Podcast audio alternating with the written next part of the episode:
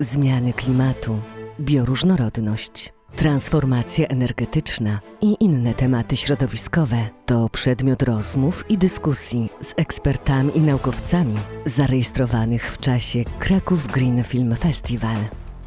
Zapraszamy.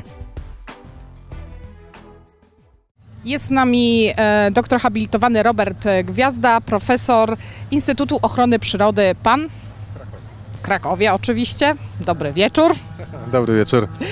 E, Jesteśmy świeżo po debacie, bardzo interesującej na temat ginących, wymierających gatunków, a tym razem chciałabym trochę w innym temacie e, pana profesora e, zapytać, bo wiem, że pan profesor na co dzień pracuje z słuchaczami z różnych pokoleń, tak? No Może nie na co dzień, ale uważam, że edukacja jest bardzo ważna, więc się nie wymiguję od zaproszeń. E, I rzeczywiście e, czasami mam jakieś prelekcje w przedszkolach, w szkołach. E, Oczywiście przez kilkanaście lat no, miałem również przyjemność pracować w szkole wyższej, a również zdarzyło mi się mieć wykład dla Uniwersytetu Trzeciego Wieku.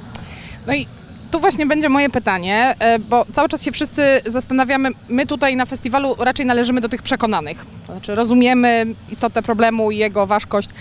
Mm, Jak mówić do, e, no właśnie, do dzieci, do starszych, żeby w tym temacie klimatu ludzie zaczęli jakby rozumieć no, powagę sytuacji, bo o niej dzisiaj rozmawiamy, prawda? Po pierwsze prosto, po drugie szczerze. E, I nie można, mówiąc do dzieci, e, zakładać, że one coś wiedzą, że mają jakiś fundament, podstawę. Czyli trzeba e, mówić bardzo od podstaw, a jednocześnie w sposób bardzo zrozumiały, najlepiej dając jakieś fajne przykłady, które, które trafiają do, do, tak, e, do, do, do świadomości. Więc w przypadku starszych, na przykład studentów czy już licealistów, można sobie pewne rzeczy założyć, że oni wiedzą albo powinni wiedzieć i nie trzeba, że tak powiem, mówić od podstaw. W przypadku dzieci przedszkolnych albo wczesnych klas w szkole podstawowej takiego założenia zrobić nie możemy, więc, więc to jest podstawa, ale trzeba mówić interesująco, niedługo, ponieważ za długie mówienie usypia wszystkich zawsze. Natomiast trzeba mówić interesująco e, i e, to widać zresztą, e, jak słuchacze reagują. Dzieci reagują bardzo spontanicznie, ale są też niezwykle szczere i one nie mają żadnego obciachu przed zadawaniem pytań, czasem trudnych, czasem mm, zaskakujących i jest to bardzo trudne wyzwanie dla wykładowców. Ja to wiem, bo czasami rozmawiałem z wykładowcami akademickimi, którzy uważali, że było to dla nich doświadczenie znacznie trudniejsze niż e, e, codzienne wykłady dla studentów. E, I pamiętam taką historię, to jest powiedzmy taka anegdotka, że mm, w Uniwersytecie, Małopolskim Uniwersytecie dla Dzieci był wykład o górnictwie. No i wszyscy troszeczkę się zastanawiali, no to jest, to jest taka ciężka praca górnika i w ogóle no może nie do końca trafiająca do młodych ludzi, ale prelegent powiedział to w ten sposób, że wszystkie dzieci chciały zostać górnikami. Podczas gdy inny prelegent mówił na temat e, sztucznej inteligencji i informatyki, właściwie taki samograj, który powinien spowodować, że wszystkie dzieci powinny być zachwycone i wszystkie usnęły. Także to jest kwestia sposobu mówienia. E, I e, trzeba też jasno powiedzieć, że jest to pewna umiejętność. To znaczy nie wszyscy, na przykład świetni naukowcy, potrafią dobrze, e, w cudzysłowie mówić, mówiąc, sprzedać tą swoją wiedzę. Mogą na przykład świetnie pisać, ale wcale nie muszą świetnie mówić.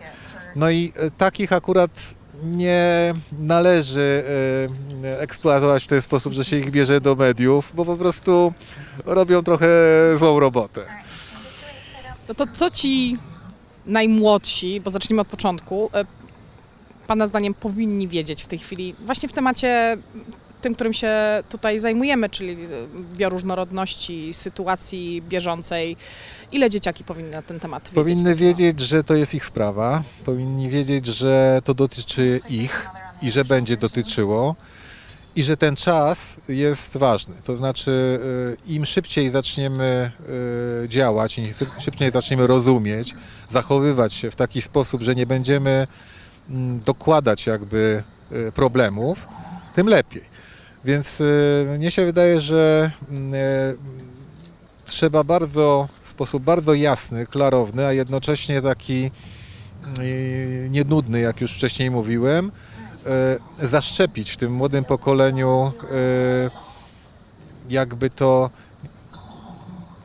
zainteresowanie otoczeniem i, i to, że jest to bardzo ważna sprawa, która dotyczy każdego człowieka.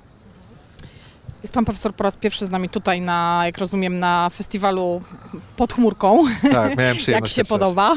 Bardzo się podoba. Doskonała inicjatywa, świetne filmy, y, świetna organizacja, jak widzę, także same plusy. Super, to ja w takim razie bardzo serdecznie dziękuję za poświęcony nam czas i mam nadzieję do zobaczenia za rok. Dziękuję bardzo za zaproszenie. Dziękuję. Dzięki.